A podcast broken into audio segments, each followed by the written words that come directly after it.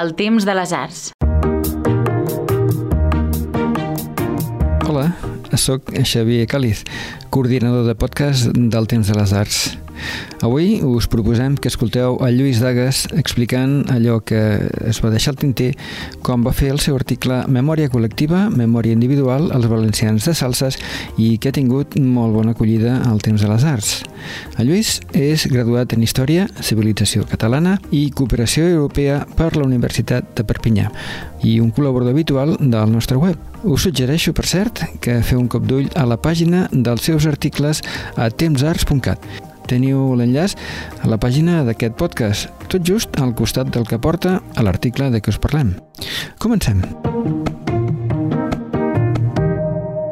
Per la majoria dels catalans del nord, Salses queda sent el símbol d'una frontera, d'un límit, d'un punt septentrional.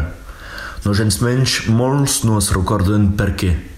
Salses va ser l'escenari dels afrontaments entre les monarquies hispàniques i franceses va ser també el símbol de cent anys de traumatisme patit per les poblacions catalanes. La batalla de Salses del 1639 n'és el seu paroxisme. Als anys 1990, un fresc va tornar a ser descobert en un molí de València. El fresc representa aquesta batalla, que se va passar 350 anys enrere, a 500 quilòmetres al nord. La pintura il·lustra també una forma d'amnèsia memorial. Al nord de la frontera, els poders públics no varen aconseguir acaparar-se del seu potencial patrimonial ni del seu missatge històric. 18 anys després de la seva descoberta, tornem a qüestionar el passat i pretenem interpel·lar els fabricants d'una memòria col·lectiva per proposar una reflexió sobre les oportunitats ofertes per la història.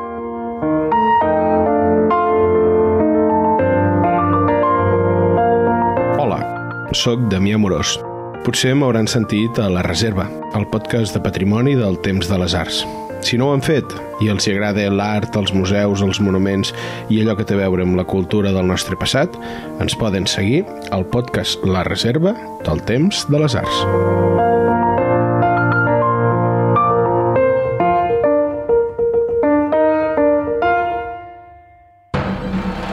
Memòria col·lectiva, memòria individual, els valencians de salses.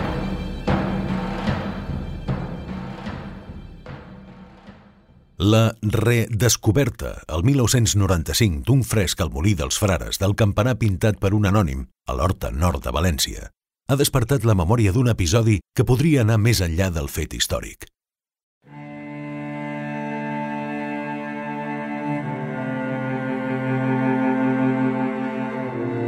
A la cruïllada entre memòries robades, descuidades i retrobades, entre històries soterrades i desenterrades, el mural continua preguntant i despertant el passat d'un poble amnèsic, cavalcant sobre tres segles, 500 quilòmetres al sud.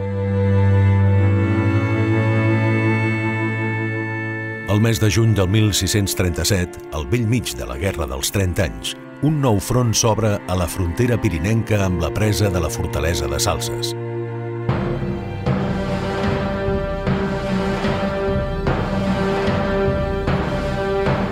El 19 de juliol, després de 40 dies de setges, una quarta càrrega d'explosius obre una bretxa a la façana nord-est del castell.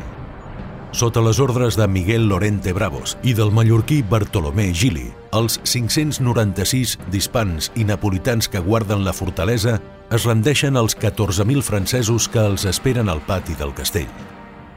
Des de la torre de l'homenatge, on els últims resistents s'han reclòs, s'alça la bandera blanca. La caiguda de Salses canvia el curs de la guerra. El xoc és terrible, l'angoixa gran. El territori se'n veu directament amenaçat. A finals de juliol, 12.000 soldats francesos s'instal·len al peu de la muralla de Perpinyà. El Rosselló és tallat en dos, al nivell del riu Tet. Espanyols i francesos s'asseguren evitar-se per no patir d'escaramusses que podrien augmentar les pèrdues i el fràgil equilibri del nou front que es dibuixa. Els exèrcits es dispersen. Al setembre de 1639, pareixen més colles de bandolers que saquegen el territori que no pas uns exèrcits professionals.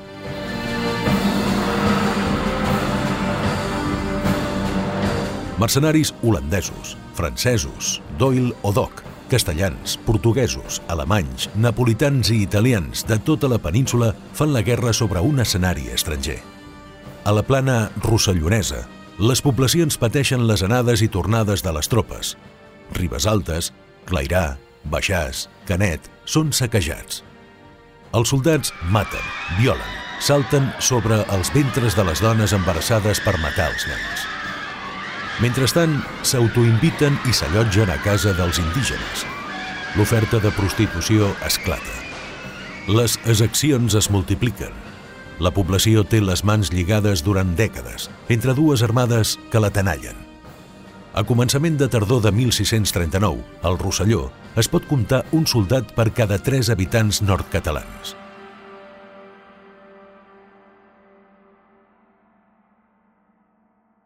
La presa de Salses permet al virrei de Catalunya de cridar al príncep Namque, convocatòria de les armades catalanes, que fins ara s'havien apartat de les guerres del seu rei gràcies als usatges medievals de Barcelona. El nostre home fa part dels 22.000 homes que es reuneixen al setembre del 1639 a Perpinyà.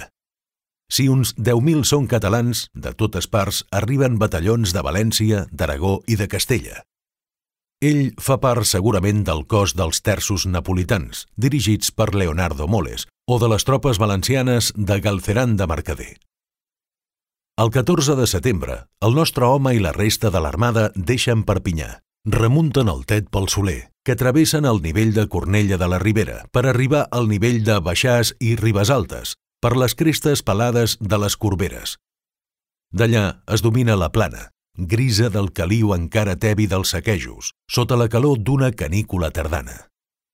Al fons, entre l'estany i les muntanyes, Salses, símbol del nus de les tensions entre els dos casals més potents d'Europa, porta d'entrada de la península i passadís mortífer. Allà hi queden uns 10.000 francesos, que s'atrinxeren al voltant del fort. La bretxa de les fortificacions és reparada a correcuita, el nostre home contempla l'escenari on es jugarà durant dos mesos la història europea. Mentre el tamborí accelera la cadència, un núvol de pols s'aixeca de cara a la línia de mosquets francesos.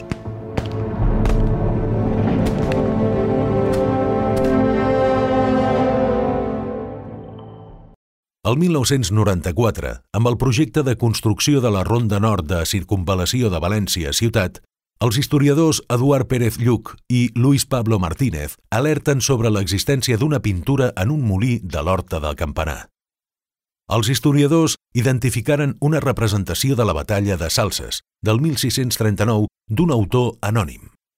Situat en zona no urbanitzable, el molí era protegit dels projectes immobiliaris, no gens menys, l'informe redactat per l'Ajuntament i la Generalitat Valenciana pogué despertar l'interès pel moral descuidat, creant un rebombori mediàtic. Un ciutadà valencià, Mariano de Sunyer i espanyol, envià els retalls de premsa a una amiga seua que residia al poble de Salses, la doctora Brigitte Castell. Aquesta en parlà a l'alcalde, en Sílvia Andagues, novament elegit el 1995.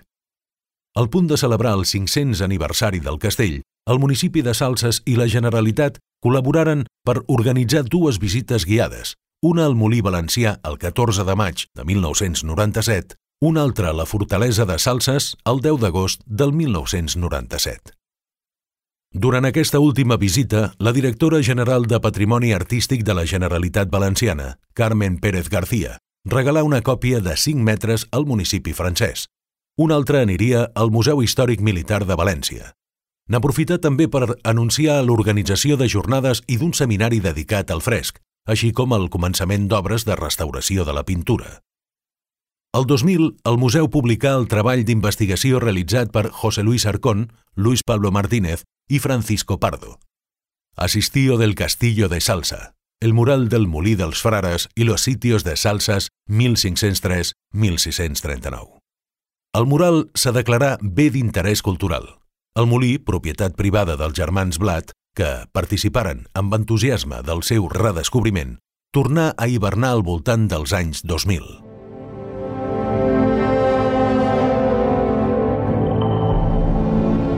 Tornem als fets històrics.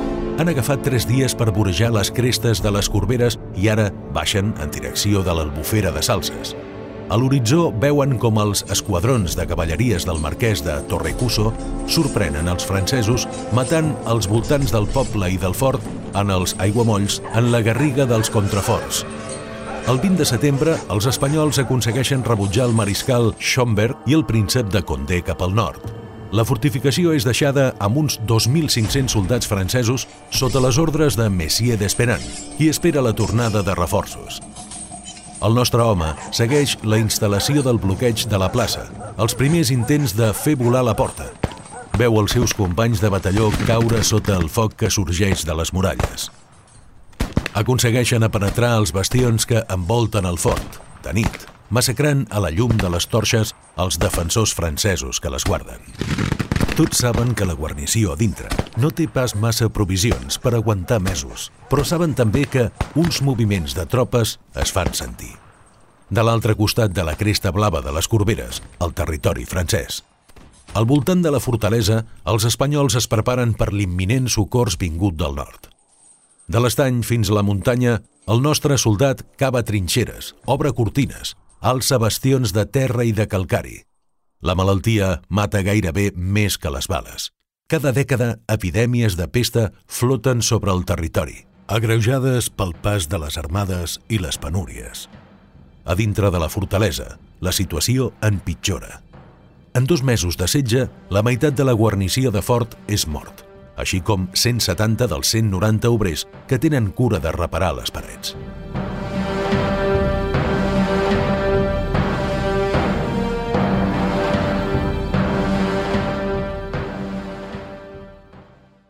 Abans de morir, al voltant dels anys 2010, al jardí de la seua casa de Salses, el meu avi Sylvain em parlava de com, unes quantes setmanes després de la meua naixença, havia anat a València per visitar un molí medieval on s'havia trobat un fresc dibuixat per un anònim del segle XVII. Em parlava de l'entusiasme que havia provocat aquest agermanament entre les terres de les perifèries de la llengua catalana. Aquesta llengua que havia deixat els seus pares i que tornava a trobar en els seus nets. Veient que no m'interessaven els baladres del seu hort, m'explicava que abans de fer les obres de la seua casa, als anys 1960, els obrers havien trobat cascs, espases, rodes de carrils i de canons, cinturons, bocins de ceràmica. Hi havia història fins tocar els fonaments de la seua casa, soterrada per les capes del formigó ben amagada.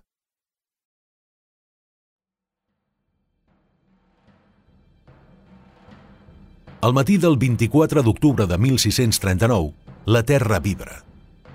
Quan se presenta l'armada del Llenguadoc sota les ordres del príncep de Condé, les obres de circunvalacions de la plaça no són acabades.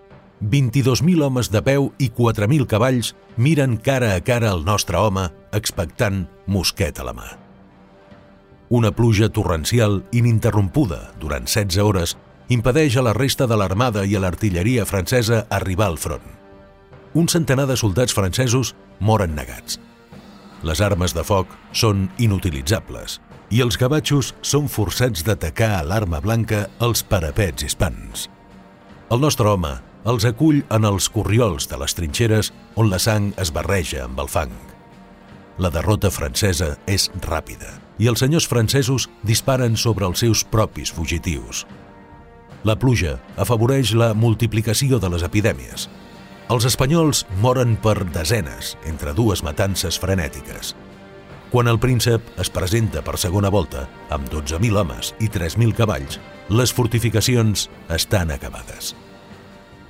El 2 de novembre, a la una de la tarda, comença el Dia dels Difunts. Els batallons francesos baixen dels contraforts de les Corberes per arribar en terreny descobert. Els espanyols buiden sobre ells les seues armes, fortificats a dalt dels primers turons.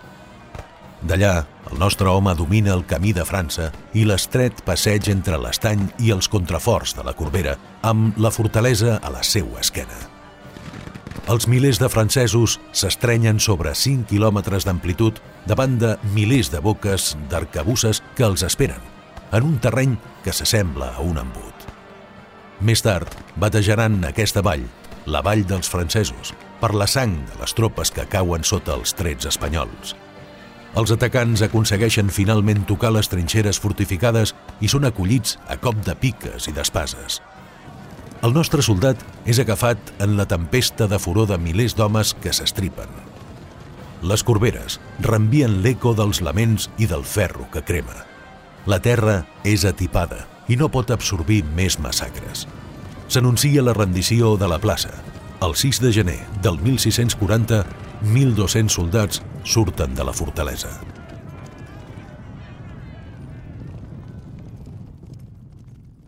Cansats pel preu pagat a salses, els catalans s'aixequen el 6 de juny del 1640, durant el Corpus de Sang.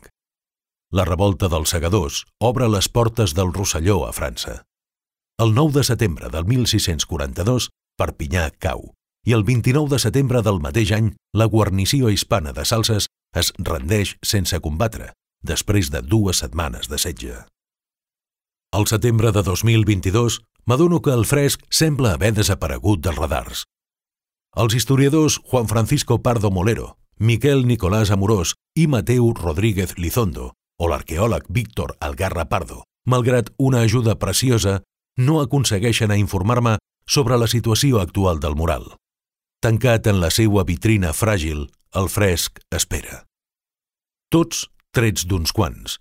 Si alguns naixen entre carxofars, en Joel Furti segurament que haurà nascut en els cairons de la fortalesa de Salses. Seguint els passos del seu pare, comença a treballar-hi als 15 anys, fins a la seua jubilació. La Liberté Martín, tècnic del Servei Cultural de la Fortalesa, m'aconsella d'anar a preguntar-li. Sembla també encuriosida, interessada en trobar respostes. En Joel em rep en la seua cuina, entre un paquet de Winston i una pila d'arxius de tota mena.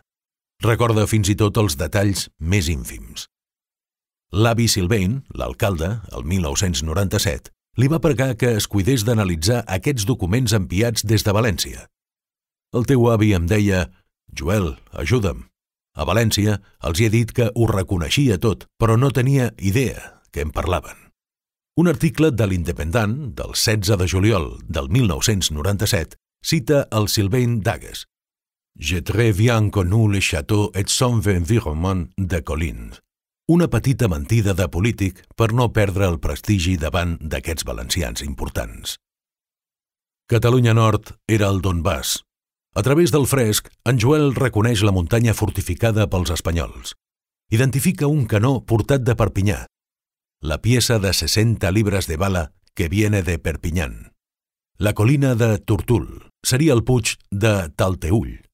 Els molins reials, dels quals queden les fundacions, al peu de l'actual monument de la Porta dels Països Catalans, on el pintor es representa com a observador. M'explica que havia estudiat les anotacions del fresc i llegit els estudis. Era segurament un soldat amb graduació més o menys elevat, un italià que vivia a València. En tornar de les guerres de salses, potser preferia anar al molí dels frares que escoltar els retrets de la dona. En Joan Peitaví de Xona, universitari de l'Institut Transfronterer de Perpinyà, em confirma València i Nàpols estaven connectades en particular a nivell artístic. Abans d'afegir, Catalunya Nord era el Donbass, i així durant un segle i mig. Tot això s'ha escapat completament de la nostra memòria. La gent d'aquí no té consciència de l'esforç fet al 1640 ni de com de traumàtics van ser els conflictes del segle XVII. Una matança històrica que el fresc hauria pogut tornar a commemorar. En Joan estudia els dietaris nord-catalans del segle XVII. Són redactats amb un cert malestar. Són una catarsi. Són els darrers relats del trauma del país. La còpia, regalada a l'Ajuntament de Salses, havia estat ubicada a la sala central de l'Ajuntament. Aquesta s'ha convertit, amb les obres d'aquests últims anys, en un passadís estret, on les il·lustracions del conflicte segueixen un espai incòmode. Un fresc que es mira a 10 centímetres, d'amagat. A València, en Rodrigo Mateu m'aconsella contactar el coronel Vicente León Zafra, director del Museu Històric Militar de València. De visita al seu despatx, sota el retrat del rei d'Espanya, el coronel m'explica que l'edifici canvia de propietari aquesta mateixa setmana i que pot representar una oportunitat per sortir-ne al mural, per poder exposar-lo. Amb voluntat d'accelerar el moviment, va inscriure el molí de la llista roja del lloc web Hispània Nostra que conté els monuments amenaçats. En aquest museu, o un altre, però la seua plaça no és en aquest edifici que s'esfondra. És un dels patrimonis més importants que tenim a València sobre aquest esdeveniment. Segueix, els poders públics són difícil de moure. L'administració és immobilista. I és cert, la memòria és un trencaclosques artificial i el relat històric una pel·lícula Netflix. El passat mereix ser contat només si pot servir al present. Remastegant la il·lustració de la batalla de Salses, els nord-catalans podrien reflexionar sobre la intensitat de la violència amb la qual el territori s'ha integrat a França. Descuidar el trauma del segle XVII és descuidar que aquestes terres septentrionals van nàixer d'una violació. Després del 1640, pensava en veu alta el Joan. Els catalans del nord desapareixen del relat històric europeu, francès, castellà i pancatalà. Destrossat físicament, han preferit fer el dol de la memòria per tornar a començar amb l'any zero. La frontera més antiga i estable d'Europa es va fundar sobre el sofriment d'una població que n'ha descuidat el dolor i la pena. Els sacrificis imposats i pagats són potser massa vergonyosos o indignes d'interès per mereixer un treball memorial. Potser que 363 anys poden minimitzar la violència dels fets. Durant 30 anys s'ha buscat l'autor del fresc del Molí dels Frares. Ara s'hauria de trobar el llegat que el mural podria oferir. Tornar a trobar la memòria d'un esdeveniment traumàtic que dona naixença a una identitat és també assumir-lo. Els valencians varen defensar el nord de la Catalunya en temps de violència. A veure si l'ajudaran a cicatritzar en temps de pau. Bé, i fins aquí ha arribat la tria setmanal del Temps de les Arts. La música d'aquest episodi és de Robert Meunier, Dino Zuriz i Dai Fox. Esperem que la setmana que ve ens puguem trobar per un nou episodi. Com sempre, us demanem que, si us ha agradat, ho compartiu amb la gent que us envolta. Moltes gràcies per escoltar-nos.